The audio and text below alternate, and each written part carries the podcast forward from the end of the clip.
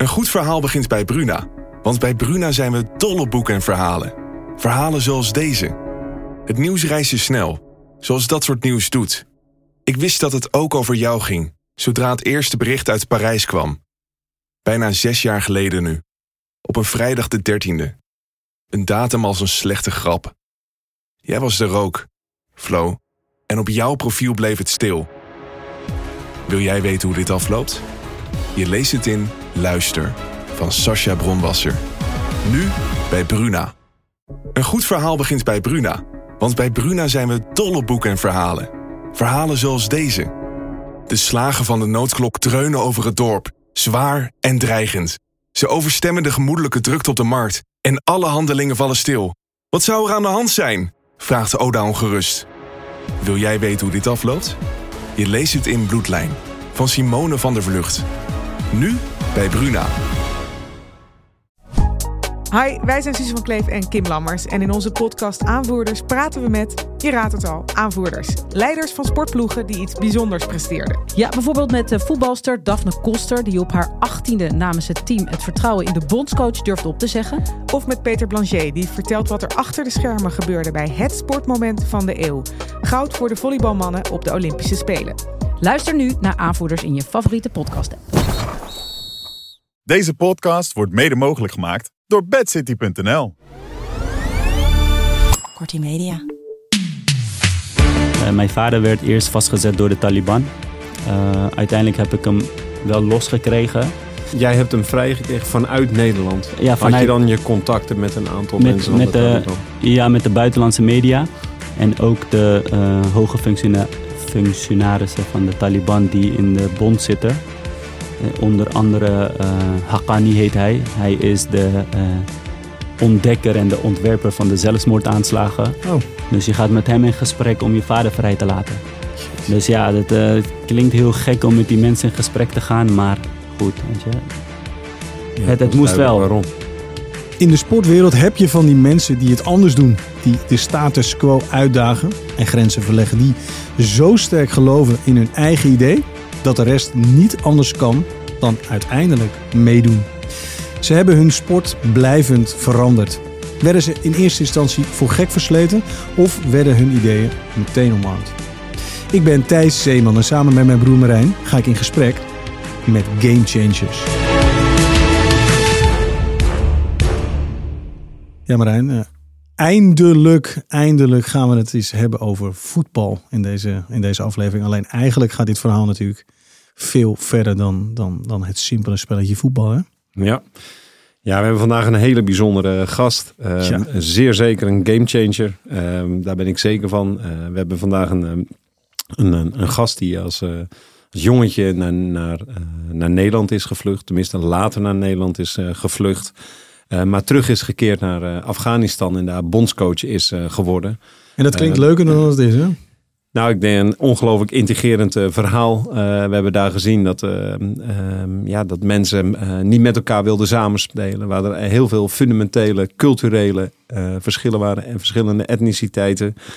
Maar ja, onze, onze gast is erin geslaagd om ze samen te brengen. En wat heel bijzonder maakt is, en dan vermengt sport, topsport zich ook met, met maatschappelijke problematiek. Is, zijn aanpak is later ook door de Taliban, de VS en Afghanistan gebruikt bij de vredesonderhandelingen. Dus nou ja, daar willen we heel graag meer van weten.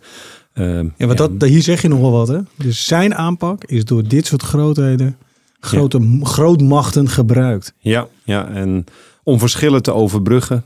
nou, hoe mooi kan sport wel niet zijn? ik ben heel, heel, heel benieuwd naar zijn verhaal. welkom Anoush Daskir. Spreek ik het goed uit? Ja, zeker. Oh, ja. Dankjewel, dankjewel. Ja, um, uh, Anoush, we gaan voordat we uitvoerig met jou gaan praten, natuurlijk wel even de luisteraar uh, kort vertellen wie je bent. Heel kort. Um, ja, je kwam, zoals Marijn al zei, uh, op je tiende naar Nederland. Gevlucht dus uit Afghanistan. Je begon met voetballen bij GVV 57 uit Graven. Dus dan kom je uit Afghanistan en dan kom je terecht bij GVV uit Graven. Het is eigenlijk, was heel goed nieuws dat je ging voetballen, want je had echt talent. Je hebt het zelfs geschopt dus tot de jeugdopleidingen van uh, zowel NEC moet ik zeggen en VVV Venlo. Je werd international van Afghanistan. Eh, daarmee won je in 2013 het Zuid-Aziatisch kampioenschap. Maar ehm, dat, was niet, dat is niet de reden waarom je hier zit. Want eh, daarna uh, timmerde je behoorlijk aan de, aan de weg als professional voetbalcoach. Je werd trainer bij NEC. En uiteindelijk dus, daar gaan we het over hebben, bondscoach van het Afghaans voetbalelftal. En voor wie nog twijfelt of je kwaliteit hebt, ik in ieder geval niet. Maar je bent nu uh, gewoon assistent coach in de Eredivisie bij, uh, bij Almere City. Ja. Ja, klopt. Ehm, wat, een, wat, een, wat een weg, man. Ja, um, maar ook een leuke weg. Ja. Ja, een leerzame. Um, ja, bondscoach van Afghanistan. Ik denk dat ik niet een betere leerschool had kunnen wensen want uh, ik vertel wel eens van gedurende die periode werd mijn waarheid dat als je tactisch en technisch goed beheerste, je dat een goede trainer coach zou maken. Mm -hmm. Totdat ik bondscoach werd van Afghanistan. Want wat was daar anders? Nou, ik kwam uh, heel gauw erachter dat het juist niet ging om het uh, tactisch en technisch gedeelte, waar ik misschien soms niet eens aan toe kwam. Maar dat het veel meer ging om omgang met je spelers, de media, bondspresident, president van het land. En op het einde nog de Taliban. Tja. Hij was 28, Marijn. Toen werd hij bondscoach. Wat deed jij Ja. toen je 28 was? Eh, ja, toen, toen zette ik ook mijn eh, eerste stappen in, in het coachleven. maar ehm, ja, eh, we hebben hier al meerdere gasten gehad die zeggen allemaal: eh, coachen is een, eh, is een ervaringsvak. maar als ik het zo begrijp, eh, ben jij wel, heb jij wel heel snel ehm, ervaring op moeten doen.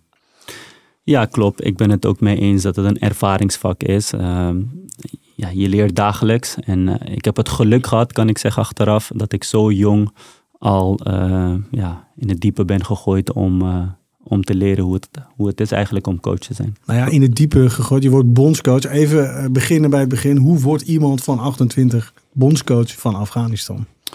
Ehm, ik was eerst speler. Ik heb zes interlands eh, mogen spelen. En ehm, ja, toen ontstond er binnen het elftal een, ja, een, een groot probleem, een chaos eigenlijk. Die ik op dezelfde dag had opgelost voor de bondspresident, nota bene. Nou, wat was die chaos? Nou, de coach kwam niet opdagen. Omdat de hij- bondscoach kwam niet opdagen. ja, omdat ehm, de bondspresident wilde een speler in het elftal. En ehm, de bondscoach wilde dat niet, want hij zou beschuldigd zijn voor matchfixing en noem het maar op. Maar er waren geen harde bewijzen voor. Dus de bondscoach zei van of hij of ik. Nou, uiteindelijk vertrok de bondscoach en twee dagen daarna zouden we tegen Tajikistan spelen. En dat is dan Nederland tegen eh, Duitsland. Zo kun je het zien, twee buurlanden. En we hadden geen coach. Dus eh, ja, de spelers zeiden, dus de helft van de spelers koos de kant van de eh, bondscoach. En de andere helft zeiden, ja, het maakt niet uit. Dus de bondspresident vroeg van, hey, hoe gaan jullie het doen? Een nieuwe coach nodig of kunnen jullie dat zelf oplossen? En toen zeiden de jongens, ja, Anoush die kan dat echt wel voor een wedstrijd oplossen. Maar uiteindelijk, ja, negen jongens wilden niet spelen. Dus het was mijn taak om ook ervoor te zorgen dat die negen jongens gingen spelen. Hoe pakt hij het aan? Nou, ik ben eerst met die jongen die eh, beschuldigd werd mee gaan praten. En ik heb ook gezegd, nou, ik ken je niet. Hè, ik heb je nooit eerder gezien. eh, maar vertrouw me dat, eh, dat als deze wedstrijd voorbij is, dat, dat, dat je weer een kans krijgt. Alleen die jongen had al duizend kaarten gekocht voor zijn dorpsgenoten eh, die de wedstrijd zouden gaan bezoeken. Dus die jongen gaf aan dat hij dat niet wilde. Hij wilde gewoon spelen. En de bondspresident zei dat hij ook moest spelen. Goed, uiteindelijk eh, ja, heen en weer gesprekken met die jongens gevoerd. En, eh, ja, maar ook jezelf kwetsbaar opstellen. Dus ik heb ook tegen die jongens gezegd, alhoewel ik niet wist dat hij, of hij nou wel of niet aan de matchfixing had gedaan. Ik heb gezegd, luister, als je zijn verhaal hoort, hij was toen 15 jaar, zeggen ze. Opgegroeid in de oorlog en hij kon 2000 euro verdienen eh, om zijn familie te redden. Dus laten we eerlijk zijn, wij wonen in Europa. Stel je voor dat wij in die situatie hadden gezeten, zouden jullie dat wel doen of niet? Ik zei, ik zou het doen. Ja. Ik zou het doen om mijn eh, kinderen en familie eten te kunnen geven. Maar je was in, op dit moment was je eerst dus speler. Ik was speler, dus ik was hier speler. Alleen ik heb toen ehm, het probleem opgelost. Dus we hebben die wedstrijd gespeeld, 1-0 verloren. Ik ben zelf bondscoach geweest. En toen kwam er een Duitse bondscoach, Otto Fister. Speelde jij die wedstrijd zelf eigenlijk? Nee, helaas niet. Helaas niet. Want je zet jezelf op de bank. Ja, Ja. Waarom? Ja. Vond je jezelf niet goed genoeg? Nou, ik, ik was de coach, dus ik... eh, En kon- co- en kon je jezelf nog wel inbrengen eigenlijk? eh, nee, Of- volgens mij niet. Nee, Nee, nee, dat, nee. dat- Je hebt toen echt gezegd, ik ga coachen en Ja. ik ben nu geen speler meer. Ja, exact, Ja, exact. En toen is er een Duitse bondscoach gekomen. En toen vroeg de bondspresident of ik zijn assistent wilde zijn. Maar even één klein stapje terug inderdaad, want je bent zelf speler. Mhm. Ik neem aan dat je voor ogen had, je bent 28, ik wil, ik wil gewoon eh, international blijven. Hier werd je eigenlijk door de omstandigheden in één keer coach. Wilde je dat ook? Wilde je liever coachen? Ik was in Nederland wel bezig met mijn trainersopleiding. En mijn knie was ook dusdanig. Ik, ben vier keer geopereerd, een kraakbeentransplantatie gehad. En ik wist dat het niet heel lang zou meer gaan duren. eh, dat ik niet meer kon voetballen. Dus ik wilde dat ook wel. Maar het kwam meer uit de jongens. Dat zij mij voor, eh, naar voren schoven. Hm. Eh, maar uiteindelijk toen de nieuwe bondscoach mij als assistent eh, nam. En bij zijn vertrek gaf hij de bondspresident aan van... ik heb 30 assistenten gehad over de hele wereld... en Anoush is een van de betere die ik gehad heb... dus geef hem maar een kans. Dus op aanraden van die Duitse bondscoach... ben ik uiteindelijk bondscoach geworden. Oké. Mooi. Uiteindelijk eh, neem je het, het, het, het stokje van hem over. Neem ons eens mee naar, ja, waar beland je dan in? Je wordt, je wordt bondscoach van een land. Normaal gesproken, als ik kijk naar Ronald Koeman, bondscoach van Nederland, ja, die komt een aantal momenten samen. Die moet de beste spelers uitkiezen en die moet zich proberen te kwalificeren. Dat is de situatie die wij als bondscoach kennen. Jij komt in een, ja, in een land dat jou bekend is. Je bent eh Afghaans natuurlijk. Waar beland je in? Ja, eigenlijk in een eh, totale chaos. Ehm, kijk, een Afghaans kind die krijgt vanuit huis uit al heel veel van politiek mee. De, de etniciteitproblemen binnen het land, eh, het problemen tussen zuiden en noorden. Dus alles wat ik eigenlijk thuis hoorde van mijn vader of van mijn opa of van mijn ooms of wie dan ook, dat zag ik terug in het nationale team. Zoals? Nou, zoals speler, eh, misschien heel kinderachtig, maar spelers uit, uit het zuiden, die probeerden de bal niet vaak over te spelen naar eh, de jongens die uit het noorden kwamen. Of onderling problemen. Eh, als er drie jongens uit het noorden speelden, dan gingen de journalisten uit het zuiden proberen die drie jongens belachelijk te maken, zodat er meer jongens uit het zuiden konden spelen. En dan heb je niet alleen zuiden-noorden, hè, dus dat zijn de Tajiken, Pashtunen, maar je hebt ook nog Oezbeken en de Hazara's en de Turkmenen. Dus dat dat een- allemaal in dat- één elftal hebben we het over. We hebben het niet over drie elftallen. Nee, Maar- want- precies. en hoe werd jij dan gezien, Anoush? Want, want jij bent opgegroeid in het noorden. Ja. Werd jij dan ook als Noorderling gezien? Of? Nou, eh, ik denk, eh, het- ja, als ik er nu terug aan denk, dan vind ik het best wel gek dat ik het zo heb aangepakt. Ze, ze vroegen mij, waar kom je vandaan? En ik zei meteen, ik kom uit Afghanistan. Maar waar uit Afghanistan? Ik zei, dat is niet belangrijk. Ik kom uit Afghanistan. Ja. En totdat ik bondscoach werd, en zelfs een paar jaar daarna, wisten ze niet waar ik vandaan kwam. Want het was voor mij helemaal niet belangrijk of ik nou vanuit noorden kwam, uit zuiden. En uh, dus ja, eigenlijk, ze, ze zagen wel dat ik Farsi kon spreken, dus wat meer Noorderling. Maar ik sprak ook Pashto. Hm. En, uh, ja, en, dat... en, en je zegt inderdaad, uh, je noemt heel veel verschillen. Maar wat zijn de culturele verschillen? Kijk, je spreekt dus uh, een andere taal. Maar voelen mensen in het noorden zich anders dan in het zuiden? Hoe, hoe moet ik dat zien? Nou, kijk, in het noorden zijn de mensen wat meer open-minded. Um, en in het zuiden is het, zijn ze wat meer uh, geloviger, hm. uh, wat strenger. Um, Welk geloof is, uh, is, is islam? Islam. Ja. islam. Um, dus dat, maar ook de dialect. Hè. Zij noemen ons dan meer van, oké, okay, jullie horen meer bij Iran en Tajikistan. En de Noorderlingen zeggen dan weer, ja, jullie horen wat meer richting Pakistan. Hm. Het is eigenlijk één land. Ik denk dat dat ook de kracht is, dat er zoveel etniciteiten zijn. Dat is ook heel mooi van Afghanistan.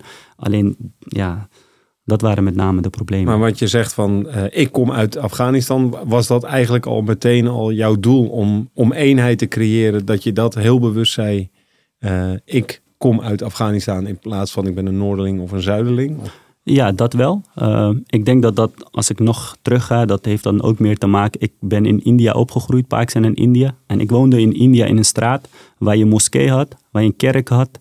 Uh, Hindoeïsme. Mijn bovenburen waren Joden. Ik ben in een omgeving opgegroeid ja, waar al die religies met elkaar samen konden werken. Of ja. samen konden leven. Ja. Uh, en elkaar konden respecteren. Dus dat krijg je heel vroeg misschien hè, als kind al mee. En thuis was er bij ons nooit iets gezegd over islamieten, christenen, joden. Het, het was altijd van oké, eh, vanuit liefde. Mhm. Dus dat was echt jouw, jouw gevoel van dat Ja. moet. Het gaat, niet, het gaat niet om waar mensen vandaan komen. Het gaat erom dat we een Afghaans elftal zijn. Mocht jij zelf eh, spelers selecteren, maakte dat uit waar ze vandaan kwamen? Nou, toen ik, dus, eh, toen ik zelf bondscoach werd, eh, kreeg ik van de bondspresident de vrijhand om iedereen uit te nodigen die ik wilde. Hm. En ik was meteen van, oké, ik ben bondscoach en ik wil alleen kwaliteit. En kwaliteit is niet in het land, maar dat is in het buitenland, want het binnenlandse competitie was niet sterk. Dus je kunt je voorstellen dat in het begin van mijn periode als bondscoach werd ik echt afgemaakt. Want ja, ik, ik was op een gegeven moment een buitenlander en ik haalde alleen maar buitenlanders binnen. Ze, ze, ze zagen mij meer als ja, de westerse troepen. hè, die waren in het land en ik was in het land gekomen met de spelers die ook uit het westen kwamen. En hoe kwam jij er nou achter dat, dat er bijvoorbeeld een goede Afghaanse speler ergens in Duitsland speelde? Ja, eh, met name veel netwerken. Hoe doe je dat? Eh, nou, eh, mensen vragen. Hè? Dus mensen vragen, maar ik wist inmiddels zelf ook wel waar de beste spelers speelden. Dat in de Eredivisie of Tweede Bundesliga of in MLS. Dus dat wist ik wel. Maar op een gegeven moment nemen ze ook zelf contact op. Nou, in het begin wilden ze niet voor het land spelen. Maar later, toen we alles, of toen ik ervoor zorgde dat alles oké was. Nou, op- ja, iedereen kwam eigenlijk. eh, Waarom wilden ze dan in eerste instantie niet spelen? nou, omdat het ongeorganiseerd was, omdat ze tegen kleine landen oefenden. Omdat ze, ja, de vorige bondscoaches die wilden gewoon op kort termijn wedstrijden winnen om mensen blij te maken. Maar toen ik bondscoach werd, heb ik de eerste dag gezegd: we gaan vanaf nu niet meer oefenen tegen kleinlanden, alleen maar tegen sterke landen. Omdat we voor het eerst in, in de geschiedenis ons willen kwalificeren voor de Azië Cup. Dus Ja. dat is een andere doel. En je zegt, we werden afgemaakt, maar dan doe je dan op de media of ook het publiek. Nou ja, media, publiek. Eigenlijk, kijk, het media bepaalt natuurlijk de pu- publieke opinie in Afghanistan. Hè? Ja. En op een gegeven moment kwamen ze ook met dat mijn diploma's fakes waren. eh, dat ik zelf eh, een Russische moeder heb. Hè? Want Afghanen en Russen, dat gaat, gaat niet samen. Dus werd ik uitgemaakt voor een eh, half Rus. Dus het voetbal is in Afghanistan zo groot. Het is niet de belangrijkste bijzaak, maar het is echt het allerbelangrijkste. Wat Ja. mensen hebben Ja. om voor even ja, te- kunnen genieten van... Ja, Heel van- Afghanistan is gek van voetbal. ja, het is uh, Afghanische cricketelftal doet mee aan het WK, maar nog steeds loopt in iedere straat van Afghanistan jongetjes met een voetbal. En dat is echt de sport nummer één. Oh, wat bizar, dat wist ik niet. Ja. Hey, en ik kan me wel voorstellen, op een gegeven moment krijg je dan kritiek van eh, hij haalt alleen maar buitenlandse Afghanen. Mhm. Hoe was dat vanuit de bond? Want meestal hebben bondsbestuurders, presidenten van bond, eh, bonden, die, eh, eh, die, ja, die zijn er ook gevoelig voor. Hoe was dat bij jou? Nee, ik werd volledig gesteund. Dus in die periode, eerste periode, werd ik volledig gesteund door de bondspresident. Totdat hij door de Afghaanse regering, dus de president van het land, werd aangepakt. En geschorst werd uiteindelijk ook door de FIFA. Want? Ehm, nou kijk, voetbal werd heel populair in Afghanistan. Het werd heel populair. En de politiek zag het nationale team als een middel om hun eigen naam te kunnen zuiveren. Om het te gebruiken voor hun eigen PR. Eh, dus ja, eigenlijk was het een inside job om de bondspresident eruit te gooien. En om hun eigen mensen erin eh, te krijgen. En, en daar komt vaak niet iemand voor terug die veel beter is. Nee, zeker niet. Zeker niet. Alleen ja, vanaf dat moment, en ik was toen anderhalf jaar bondscoach, werd het wel heel zwaar. Want, Wat, eh, wat, wat, wat werd er zo zwaar? Nou, ik, ik kreeg belletjes vanuit het presidentskantoor dat er bepaalde jongens moesten spelen, dat ze geselecteerd moesten worden. Maar ik heb dat nooit gedaan. En ik, de, mijn kracht was ook omdat de spelersgroep achter mij stonden, omdat ik het gewoon anders deed dan wat ze gewend waren. Dus ik had de volledige steun van de spelers, Hm. eh, maar niet van de, eh, van de hoe, hoe regering. kreeg je die steun van de spelers? Nou, door, ik denk in eerste instantie eh, door heel open te zijn, jezelf kwetsbaar op te stellen, eh, maar ook echt voor ze te vechten.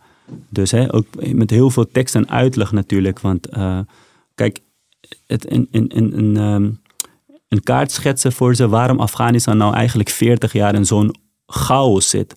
Hè, en wat wij eigenlijk deden binnen het nationale team, hè, met al, dat chaos, dat, dat was precies de weerspiegeling van de politiek.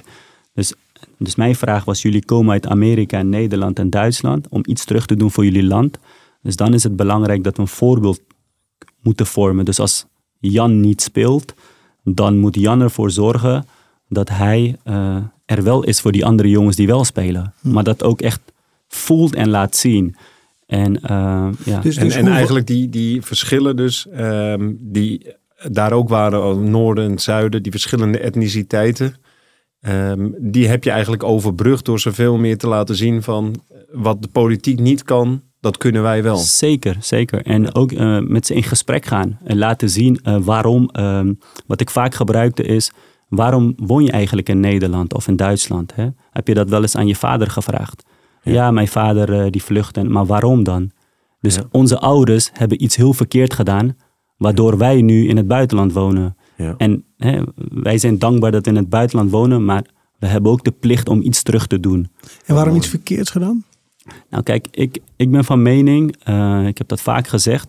Wij wijzen wel eens van, oké, ja, de eh, Amerikaanse troepen waren er westerse troepen en uiteindelijk vertrokken ze. Ze hebben ons alleen en achtergelaten. Maar het, het wordt ook misschien tijd om, ja, om naar elkaar, om naar jezelf te kijken. Hè? Dus Kritisch. ja, kritisch naar jezelf te kijken van, oké, eh, wat hebben wij dan eraan gedaan in die twintig jaar dat de westerse troepen daar wel waren? Hm.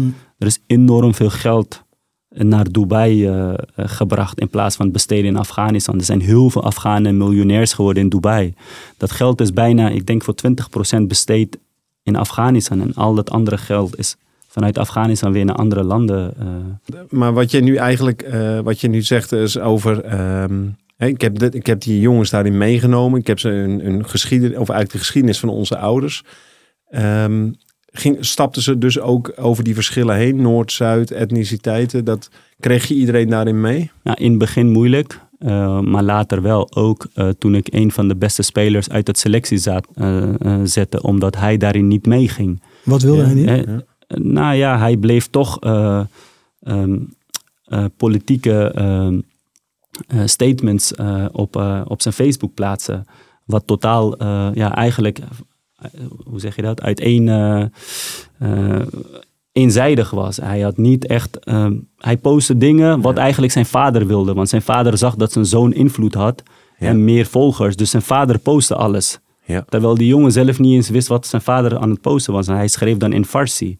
Maar die jongen kon Farsi helemaal niet lezen. Ja. Dus, dus zo, En wat deed dat met het proces? Want wat ik, wat ik wilde vragen was ook van, kijk, je zegt eigenlijk van er gebeurden vroeger eh, slechte dingen. Hè? Er waren mensen die miljonair werden in, in Dubai, eh, te- terwijl dat geld beter besteed had kunnen worden. Dat is natuurlijk een groot iets. Hoe vertaal jij dat dan in een ja, gezamenlijke visie op het voetbalveld? Ja, kijk, eh, een simpele vraag was: waarom wil je voor het nationale team spelen? Dus ja, ik wil mijn land helpen. Iedereen zei van, nou, ik wil graag iets betekenen voor Afghanistan. Maar wat wil je dan voor Afghanistan betekenen als je niet in het land bent? Dus je wil voetballen, oké? Dus je wil met die jongens voetballen. Nou, dat is het probleem in het land en dit is het probleem binnen het nationale elftal. Hoe ga je dat dan verbeteren?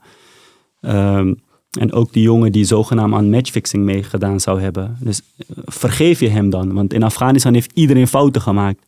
Ben jij bereid om hem te vergeven? Want vanuit je geloof vraag je God wel om vergevenis, maar je bent zelf niet bereid om een medelandgenoot te vergeven. Dus wat veranderde jij? Hè? Dat, nou, ehm, eh, toch wel hun gevoel. Eh, hun gevoel en hun eh, motivatie om voor het land te spelen.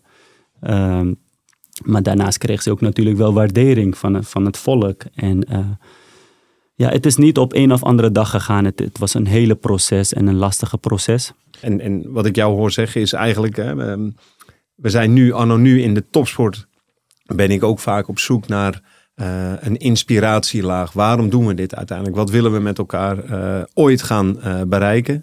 Eh, maar dit is zo'n enorm krachtig eh, waarom natuurlijk. Mm. Dit gaat veel verder dan het winnen van een beker of, of, een, of een trofee. Dit is, dit is eigenlijk eh, een volk samenbrengen als ik het, als ik het zo hoor. Exact, exact. Ja, Ja, prachtig. Ja. Hoe, hoe, Want- kwam, hoe kwam je daarop? Hoe, hoe, hoe, hoe kwam jij nou op om dit te gaan doen? En niet gewoon training geven en godzegen de greep. Nou, ehm, dat heeft denk ik ook weer met mijn opvoeding te maken. Mijn vader die ging heel vroeg terug naar Afghanistan. Eh, die kon in Nederland niet blijven wonen eh, door een aantal omstandigheden. En ik was toen 14. En eh, vanaf toen ben ik heel erg geïnteresseerd geraakt ook in Afghanistan. Ik ben heel veel boeken gaan lezen. Ik, ben, ik wilde begrijpen waarom er 40 jaar oorlog was in Afghanistan en 2023 nog steeds oorlog is. En zo ben ik eigenlijk in aanraking gekomen met Afghanistan, want ik was tien toen ik vluchtte. En zo ben ik op mijn twintigste voor het eerst weer eh, teruggevlogen naar Afghanistan. Om dat van dichtbij, het land van dichtbij te zien. En toen ik arriveerde op het vliegveld, ja, werd ik echt emotioneel. En de vraag, eh, vraag wat mensen eh, mij vaak stellen is van, oké, ehm, ja, wat is dat dan? Hè? Wat voor gevoel is dat? Ik denk dat dat de enige vraag is waar ik geen antwoord op heb, want dat is zoiets apart. Hè? Dat is zo van jezelf. Je voelt je daar zo, niet dat ik me in Nederland niet thuis voel, maar het- als ik, als ik in Afghanistan land en ik, ik raak het grond en ik, het is gewoon, eh, ik kan daar emotioneel van worden, want dat is gewoon iets heel speciaals.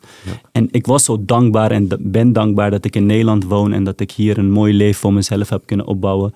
Maar ik vind het zo mijn plicht dat ik iets terug doe. En niet alleen ik, maar eigenlijk alle Afghanen. En lukte dat, eh, de- dat zijn signaal, wat, wat je nu beschrijft, wat je van je spelers eh, verwachtte, eh, wat, wat echt de waarom van het spelen voor het nationale elftal moest worden? Reageerde het publiek daarop? Begonnen ze te merken wat, wat jullie eh, met elkaar aan het doen waren? Steeds meer, steeds meer. Eh, eerst vanuit de spelersgroep, want ik merkte echt dat ik spelers had, eh, hiermee had geraakt. De spelers, eh, het ging op een gegeven moment zo ver dat een speler zelf zei, hè, en, en, en, eh, een- een tweede aanvoerder van stel mij morgen niet op, want die andere is zoveel beter en fitter op dit moment. Hij moet spelen, want we moeten die wedstrijd winnen. En dat waren Ja. twee- jongens uit twee culturen Uit- in Afghanistan. Exact. En zelfs jongens die eh, in bijvoorbeeld een Amerikaanse moeder hebben en een Afghaanse vader. De journalisten waren je zwart aan het maken. Ja. Het publiek eh, werd daardoor eh, beïnvloed. Maar ehm, hoe zag dat er na, van, van verloop, op tij, eh, na verloop van tijd eh, uit? Hè? Eh, Ja. Werd de boodschap begrepen? Absoluut. Ehm eerste instantie, kijk, de wedstrijden werden bijvoorbeeld uitgezonden door één tv en inmiddels door drie. Ja. en eh, er waren bijvoorbeeld twintig journalisten en nu ontplofte het eigenlijk. Meer Ja. dan honderden journalisten. Het is echt ongelooflijk hoe groot het was. Dus dat positiviteit, doordat jongens hetzelfde teksten posten, doordat de jongens hetzelfde interviews gaven, doordat we vanuit, ja, vanuit één naar buiten eh, treden, ja, had dat echt een, een, een enorme positieve eh, Echt een verbindend effect eigenlijk. Ja. Had dat er ook mee te maken dat, eh, is, hè, dus eigenlijk wat we vertelden van dat jij uiteindelijk ook werd ingeroepen door, eh, door de VS, door de Taliban en, en door, de, door de regering voor, voor vredesbesprekingen. Dat had hiermee te maken. Zeker. Kijk, eh, als ik nu terugkijk naar die periode, dan ben ik echt het meest trots op het feit eh, dat het nationale team echt werd gezien als symbool van hoop en eenheid. Hè? Dus ook aan de onderhandelingstafel met de Taliban werd dat gezien als blauwdruk voor de Maar politiek. kan je ons daar eens in meenemen? Want, want je werd gebeld. eh, zit je dan aan, aan grote tafels? Of wat? Hoe, wat, wat Nou nee, dat dan? waren meer de parlementsleden die ons eh, eigenlijk promoten als de symbool eh, van een veranderd Afghanistan. Ja. En aan de onderhandelingstafel hebben ze dat eh, als, als blauwdruk gebruikt. Ja. Daar En zat ben je ik daar niet, zelf echt bij? nee, niet bij de onderhandelingstafel Nee. met de Taliban, maar wel door eh, parlementsleden die mij dan belden om eh, over, eh, over dit te hebben van hoe heb je dat dan aangepakt? Hè? Want wat wij jarenlang, wat ons jarenlang niet lukt, lukt jullie wel. Weliswaar in een kleinere groep, maar dat is wel een eerste stap. En dat, ja, een grote compliment kun je bijna niet krijgen. Maar dit, dit gaat heel erg over de mentaliteit, cultuurverandering binnen je land. Nou ja, to put it mildly. Eh, even terug naar het voetbalveld zelf. Eh, had het ook, werden jullie als team ook echt beter? Werden jullie, eh, gingen de prestaties ook, eh nou ja, zien de rogen vooruit? Ja, kijk, ehm, we, we gingen niet meer oefenen tegen kleine landen, met alle respect. En we gingen oefenen tegen landen als Qatar, Oman. en de journalisten vroegen ook van, zijn, jullie, zijn we daar wel klaar voor? Nee, we zijn daar niet klaar voor. Maar als wij willen dat onze spelers achter de spelers van Japan niet aanrennen om een shirt te vragen, maar meer om de bal af te pakken en om te kunnen scoren, Ja. dan is het belangrijk dat ze op dat podium gaan spelen. En als ze serieus worden willen genomen door FIFA en EFC, dan moeten we daar eh, tegen spelen. Ja. Wat was het eerste topland waar je tegen ging spelen? Eh, topland? Ja, nou, toch- topland wat je zegt van in ieder geval wat echt eh, aanzienlijk beter. Nou, Qatar, eh, de tweede wedstrijd bijvoorbeeld tegen Qatar. Eh, ze waren toen kampioen van Azië. Mhm. Hebben we thuis in Tajikistan 1-0 van verloren. Wij misten een penalty.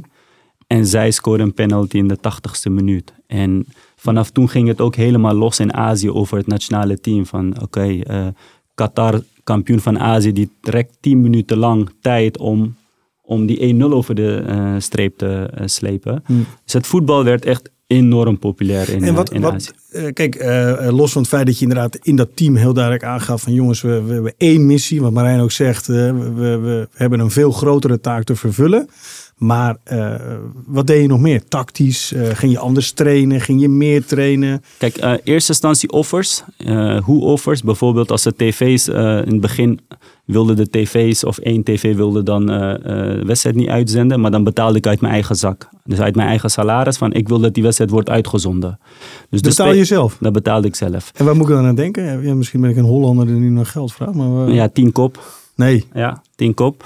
En dat is dan, eh, eh, ja, dat is dan een De bondscoach betaalt voor zijn eigen... Ja, ja. En eh, als er geen kledingsponsor was, dan betaalde ik de kleding. Dus eigenlijk wat ik verdiende, heb ik voor 90% weer terug in het team gestopt. Voor 80%, laten we eerlijk zijn.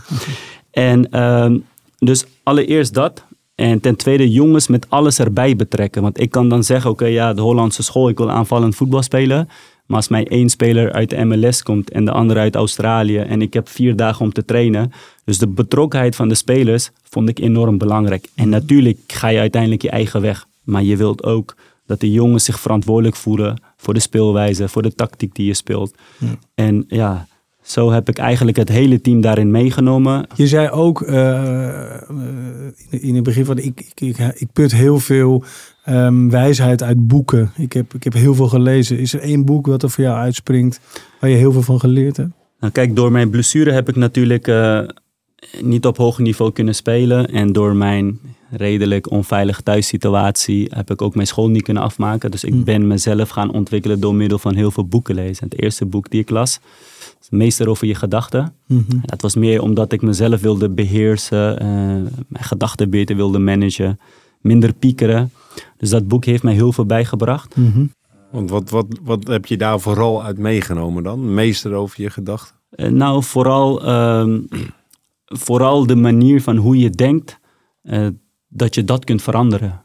Ja. Hè, dat eh, steeds jezelf in een slachtofferrol zetten, dat gaat jou niet vooruit helpen. Nee. Maar probeer dingen niet te verstoppen, maar probeer eh, erover te praten. En kwetsbaarheid is geen zwakte. Hè. Vanuit opvoeding of vanuit cultuur krijg je mannen moeten sterk zijn. Maar, dus, Alex zegt dat ook heel, Alex Pastoor zegt dat heel mooi. hè. Kwetsbaarheid is een sterkte, geen zwakte. Maar ja, dat is in, hoe is dat in jullie cultuur? Is dat, kon je, kunnen mensen daar, in de Afghaanse cultuur, is, is, is eh, kwetsbaarheid daar welkom? Eh, nee, het is niet welkom, maar als ik als bondscoach dat bespreekbaar maak, dan wordt dat sneller. eh, Want, want hoe liet jij dan, want wa- hoe ben je dan kwetsbaar als coach? hè? Hoe, hoe toon je je kwetsbaarheid als coach? Op wat Nou, voor vlakken? Bijvoorbeeld als je een eh, plan hebt wat uiteindelijk eh, niet, tot niet goed tot uitvoering wordt gebracht. Dat in plaats van dat je de schuld aan de jongens geeft, maar dat je zegt van jongens, het is mijn fout, hè, het is een slechte plan. En ja, ik ben daar verantwoordelijk voor. Maar dat je ook in de media eh, je jongens beschermt tegen, eh, tegen alle eh, media-aanvallen. Dus ik, ik, op een gegeven moment zocht ik bewust met de media het probleem op, zodat ze zich alleen maar konden focussen op mij. Dus op een gegeven moment waren ze mij alleen maar aan het vuren, terwijl mijn spelers daar helemaal geen last van hadden. Want uiteindelijk moesten zij spelen. Maar ik zei dat ook tegen jongens, van ik ga dit doen. Maar het is puur zodat ze jullie met rust laten. Dan kunnen jullie zich focussen op de wedstrijd, maar dan vang ik die klappen op. Wat, wat Mourinho eigenlijk eh, ook vaak zegt, hè? Ik, ik trek alles naar me toe. Ja. Ze mogen boos zijn op mij. Ze mogen mij een lul vinden. Maar daarmee bescherm ik de jongens. Dus dat, dat, dat Exact. Je, zei, ehm, je zegt net van ehm, een slachtofferrol, dat, dat, dat brengt je niks. Eh, Had jij, eh, be- bedoel je daarmee jezelf? Dat je dat tot dat moment, eh, dat je jezelf, Nou, dat je dat lastig ik- vond? Of Ik, heb, eh, ik, ik, ik vertelde zojuist onveilige thuissituatie. Ik heb een getraumatiseerde vader die in de jaren tachtig eh, in het verzet meevocht tegen de Russen. Tijdens de Russische invasie. En die trauma's heeft hij nooit verwerkt. En eh, daar hebben wij als gezin, mijn moeder, ik en de kinderen, enorm, aan, en- enorm last van gehad. En toen hij ook terugging naar Afghanistan, liet hij ons getraumatiseerd achter. En met heel veel financiële schulden. En eh, ik was toen 14, 15 jaar oud. Dus dan ga je heel gauw in dat eh, slachtofferrol zitten van oké, ja, financiële schulden, ik heb mijn school niet kunnen afmaken, ik ben geblesseerd en eh thuisproblemen. Maar Ik wilde me gaan ontwikkelen. Eerst als mens, maar pas later als trainer-coach. Dus door middel van heel veel boeken te lezen, en dus die meeste over je gedachten, kom je erachter. Als je hier echt uit wilt komen, dan is dat niet de oplossing. De oplossing is dat je stappen gaat maken en dat je accepteert dat je gewoon heel, heel veel problemen hebt gehad en nog steeds hebt. En dat ook probeert bespreekbaar te maken. Dus vandaar ook mijn boek, waarin, waarin ik eigenlijk alles blootgeef. En, eh, Maar als 14-jarige heb jij zelf bedacht, ik wil hier, ik wil hier uitkomen. En ik, ik ga me... Nee, als, als 14-jarige niet, want in die periode ging het heel slecht met mij. Eh, tot aan mijn twintigste, maar pas toen ik geblesseerd raakte op mijn twintigste en ook geen diploma en niks had. En toen ben ik eh, boeken gaan lezen. En eh, inmiddels lees ik wel elke twee weken een boek. Dat is echt een soort van een vriend van mij geworden. Ehm, ja, dus dat eigenlijk. Kennis, kennis, kennis vergaren. Ja, je bent als coach, nou ja, bijna zendelingwerk aan het doen. om je land beter te maken. Om nou al die verschillen, in ieder geval binnen het nationale elftal, eh, eh, eruit te halen. Om daarmee te presteren. En dan wordt het 2021. Ja, klopt. Eh, alsof we niet genoeg problemen hadden gehad. En toen 2021 eh, kwamen de Taliban. En ehm, de aantal stafleden die we nog in het, in, in het land hadden, die vluchtten ook naar het buitenland. En eh, ja, Waar, waar was je op het moment dat dit gebeurde? Want we kennen allemaal de beelden van dat vliegtuig waar al die Ja. jongens en meisjes en vrouwen en kinderen aan- letterlijk aan hingen. Ja. Ik was eh, op dat moment, eh, toen ze net het West hadden overgenomen, was ik in Kroatië. Ik was toen getrouwd in de zomer. En, en we, lazen, we lazen dus op de Facebook van oké, ze zijn nu in het Westen. En dus ik sprak met mijn vader. Mijn vader ze- zei, ja, we hebben de regering om wapens gevraagd om, om, het, ja, om ze tegen te houden. En hij zei, geloof me maar, alleen met ons dorp houden we ze tegen, want zoveel zijn ze er niet. Alleen de regering gaf geen wapens. Het was zo'n inside job dat ze binnen vier dagen heel het land hadden overgenomen. Dus je moet je voorstellen dat vijf- 15.000 soldaten het hele land overnemen. En Hoe doe je inside job? Ja, het, het, de afspraak, eh, de Amerikanen hadden de deal met ze gemaakt dat zij een part of de eh, regering zouden worden. Alleen de president eh, van de regering die wilde de Taliban niet. Nou, toen moest Amerika kiezen, links of rechts. Nou, uiteindelijk kozen ze voor de Taliban. En zo eh, ja, hebben ze eigenlijk, eh, nou, nogmaals, ik wijs niet naar de Amerikanen, maar dat begon dus met de binnenlandse problemen. Eh, vluchtte de president van het land, die vluchtte naar Dubai. En zijn generalen en iedereen ook. Nou, het land bleef over aan de Taliban en zo hebben ze het eigenlijk overgenomen. En jij was bondscoach. Ehm, ben, je, ben je teruggegaan? Ben je naar Afghanistan gegaan? In, in die periode niet. Ehm, in die periode niet, omdat wij ja, niet wisten wat er eigenlijk ging gebeuren. Want binnen twee weken hadden ze het hele land overgenomen. En het grappige is, nota bene, ik en de grote deels van mijn spelers... We zijn destijds ook gevlucht door deze eh, organisatie, of de terroristische organisatie. En nu, ja, dus de spelers vroegen ook van, is het nu echt klaar? Is het nu eindelijk, hè, is het zover? Zei ik, nee, rustig blijven, niks posten. Want eh, we hebben het ook niet voor de vorige regering gedaan. We hebben het altijd voor het volk en het land gedaan. Dus wie ook aan de macht is, wij gaan gewoon door.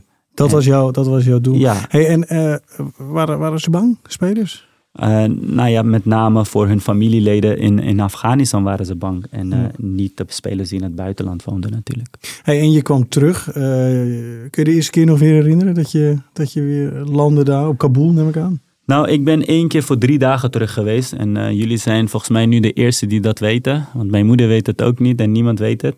Eh, dat, heeft, dat heeft met name te maken gehad met ehm, dat het niet goed ging met mijn vader. Eh, mijn vader werd eerst vastgezet door de Taliban. Uiteindelijk heb ik hem wel losgekregen. Ehm, en daarna wilde ik hem nog even zien. Hè, want hij, hij gaf aan dat hij, eh, eh, dat hij weer thuis is. Maar ik wilde hem even zien dat het goed ging. Ik ben naar Dubai gevlogen, van Dubai naar Afghanistan. Ik heb hem twee dagen gezien. Ik ben weer terug naar huis gekomen. Maar iedereen dacht, en zelfs mijn vrouw, dat ik op vakantie was. Dus bij deze heb ik mezelf genaaid. Ja, Oh, jongen, Ja. Maar, Jezus. maar heb, jij hebt hem vrijgekregen vanuit Nederland. ja Had vanuit, je dan je contacten met een aantal Met- mensen van met de de- Taliban? ja, met de buitenlandse media. En ook de eh, hoge functiona- functionarissen van de Taliban die in de bond zitten. Eh, onder andere eh Haqqani heet hij. Hij is de eh, ontdekker en de ontwerper van de zelfmoordaanslagen. Oh, Dus je gaat met hem in gesprek om je vader vrij te laten. Jezus. Dus ja, dat eh, klinkt heel gek om met die mensen in gesprek te gaan, maar goed, weet je. Ja, het moest wel. Waarom? Ja, Ja. natuurlijk. Ja. Hey, en, ja, eh, eh, is het Afghaanse elftal er nu nog? Is het, gaat het door? Nou, de Taliban die wilden alleen maar local spelers. Hè, dus het begint al, ze zien de andere spelers als buitenlanders. Ehm, ze hebben nu de laatste keer tegen Qatar gespeeld, 8-1 verloren.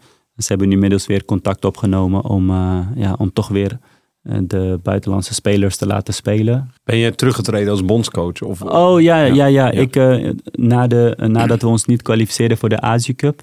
Ik had al van tevoren aangegeven van ik ga vier jaar. eh, dat hele project ga ik aan. En daarna wil ik een clubcoach worden. Want ik wilde iedere dag eh, op het veld staan. En, eh, en vanuit Almere nu en in de toekomst ergens als hoofdtrainer.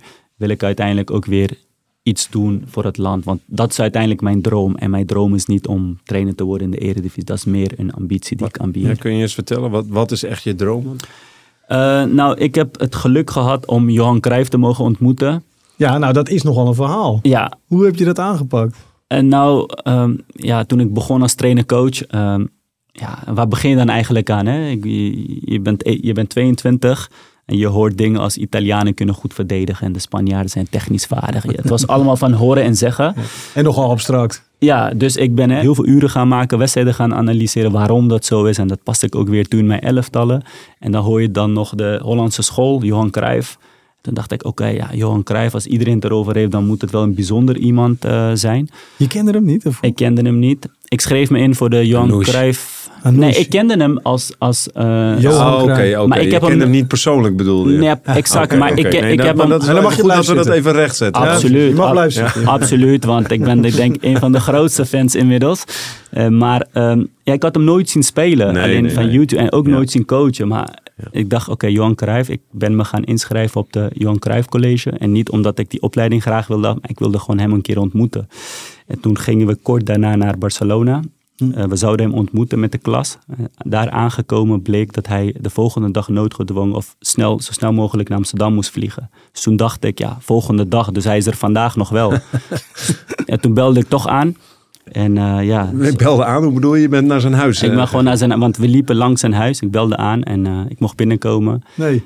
En, Maar eh, hoe heb je jezelf geïntroduceerd? Want waarschijnlijk heb je bij de poort aangemeld dan. Ja, ja, Ja. maar we hadden elkaar ook ehm, op de Johan Cruijff Foundation. Hebben we elkaar nog een hand gegeven. Ik had nog een foto met hem gemaakt. Dus die foto nam ik ook mee. Even voor zekerheid dat hij wist van oké, ja, Ja. het is echt een leerling van eh, de Cruijff. College.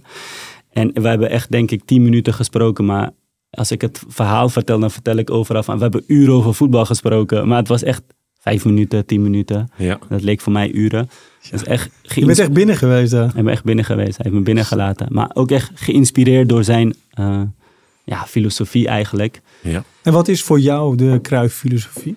Nou, eh, eigenlijk doordat ik door hem zo geïnspireerd raakte, ben ik eh, trainers gaan volgen die hun elftallen in de geest van Johan Cruijff lieten voetballen. Dus ik stuitte heel snel op Peter Bos. Ik ben Peter Bos gaan volgen. Seizoenkaart gekocht van Bayer Leverkusen. Ik zat iedere wedstrijd daar op de tribune. Ik, ik, ik, ik weet alles van Peter Bos. Ja. Ja, want ja, ik- dat was zeg maar het makkelijkst om dicht bij eh, de geest van Cruijff te kunnen komen. En eh, ja, dat is voor mij het Hollandse school. Ik denk dat we daar enorm trots op moeten zijn ook. Want eh, ik bedoel, in het buitenland wordt dat... hè, soms heb ik het gevoel dat Cruijff in het buitenland veel groter is dan hier in Nederland. En dat doet wel eens pijn dat je denkt van waarom dan? Hè? Maar Ja. oké. Maar nog heel even terug, hè, want je zegt uiteindelijk is niet mijn droom eh, om, om hoofdcoach in de Eredivisie te worden, maar Ja. je wil iets terug doen voor, voor je land. Ja, nou, dus kruifveldjes. Dus Ja. mijn droom is echt dat ik in iedere provincie van Afghanistan, in iedere stad van Afghanistan, eh, een Johan Cruijffveldje op kan zetten.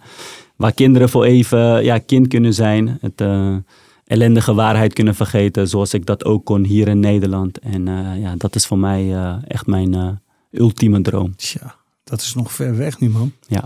Nou, het is ver weg, maar goed. Het, het- Ja, ja mooi. Ja, ik bedoel, als we niet meer dromen, dan Ja. leven we niet meer. Dus, maar het is nu, nu, nu zo ver met, met, ja, als je nu ziet wat er nu gebeurt, is het natuurlijk verschrikkelijk eigenlijk.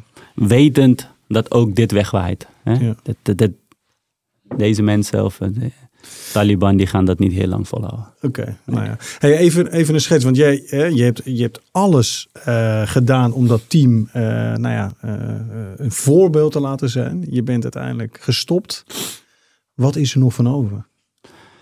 Ja, helaas vrij weinig eigenlijk. Ehm, dat heeft met name te maken dat er nu in de bond mensen van de Taliban zitten die helemaal niks van het voetballen begrijpen. Het enige wat zij willen is ja, eigenlijk hun eigen zakken vullen met een paar euro's die ze van de FIFA en EFC krijgen. Maar dat maatschappelijke, eh, dat, dat zo belangrijk is voor, de, voor, hè, voor, voor het land. En dat dat super belangrijk is voor sport van het land, maar voor de, voor, ook voor de economie, voor de binnenlands voetbal. Ja, dat, dat begrijpen ze niet, want wie zijn Taliban? Ja, ik vertelde zojuist dat, dat dat zijn allemaal weeskinderen die in de oorlog hun ouders zijn verloren en zich aansluiten bij een groepering voor een paar euro in de maand. Ja, wat weten zij van voetbal? En ja, het is gewoon super triest. Is er nog wel iets overeind gebleven? Iets, iets positiefs wat, wat je erin hebt gebracht? Exact. Het groep is bij elkaar. Uh, die twintig spelers. Die willen nog steeds voor het land spelen. Uh, ze hebben ook gezegd dat ze voor het land willen spelen alleen als de huidige bondspresident uh, uh, opstapt. Omdat hij degene is geweest die jarenlang geprobeerd heeft om team uit elkaar te halen. Dus en, en, en wat je achterlaat is ook dat die jongens die nog steeds voor het land willen spelen, dat zij ook dromen hebben om iets terug te doen voor hun land. En ik denk dat dat voor mij het grootste compliment is.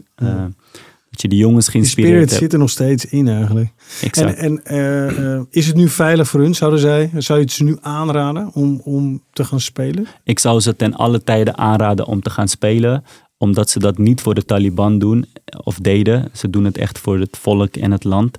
Dus daar raad ik ze ook aan. Ik ben ook met sommige van die jongens in gesprek, want je bent ook vrienden geworden. Ik ben ook niet zo heel oud, dus het zijn, sommige zijn ook leeftijdsgenoten nog. Uh, dus ja, zeker. Wat we natuurlijk tussendoor uh, bij heel veel podcasts doen, is, is dat we schakelen met, met uh, ja, Marijnse ervaringen. Maar dit is zo'n ander verhaal, Marijn.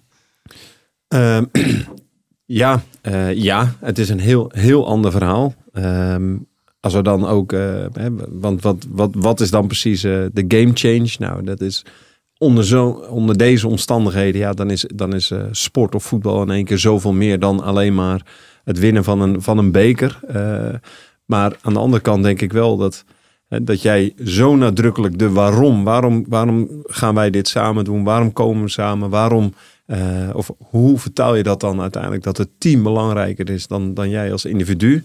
Dat zijn wel uh, hele krachtige lessen die je ook bij Almere City, ook bij Team Jumbo-Visma, ook bij het nationaal volleybalteam, als je dat naar boven weet te halen van wat bindt ons nu eigenlijk en uh, hoe overbruggen we de verschillen? Ja, dat zijn hele krachtige um, um, ja, signalen, krachtige uh, uh, manieren om, om mensen samen uh, te brengen. En, Alleen wat je zegt, dat als je het in Almere doet, als je het daar doet, eentje komt uit Amsterdam, eentje komt uit Limburg. Maar dit is zo'n.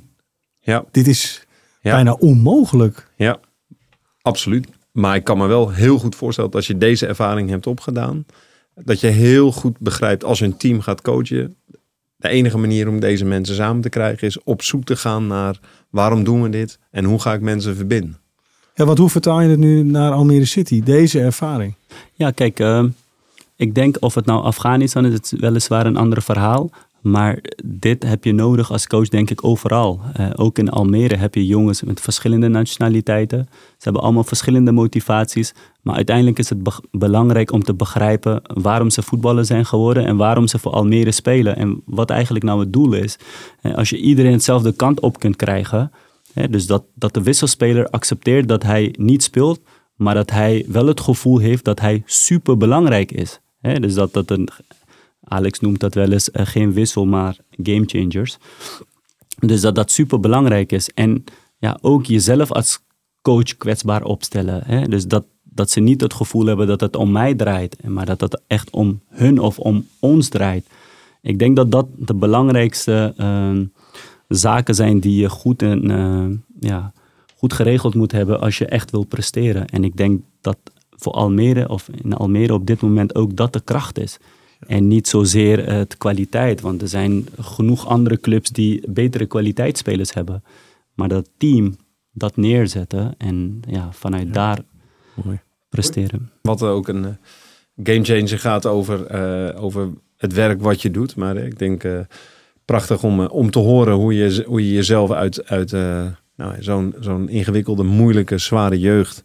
Dat je zelf eigenlijk jezelf je leven een, een andere kant op hebt weten te draaien. En, en dat je nu dit verhaal kunt vertellen. Daarmee ben je een ongelofelijke inspiratiebron voor, voor velen. Hopelijk die ook in een moeilijke, moeilijke situatie zitten. Echt ja, prachtig. Kun je eigenlijk nog over straat in Afghanistan? Uh, in Afghanistan eigenlijk niet. nee? ik word wel herkend.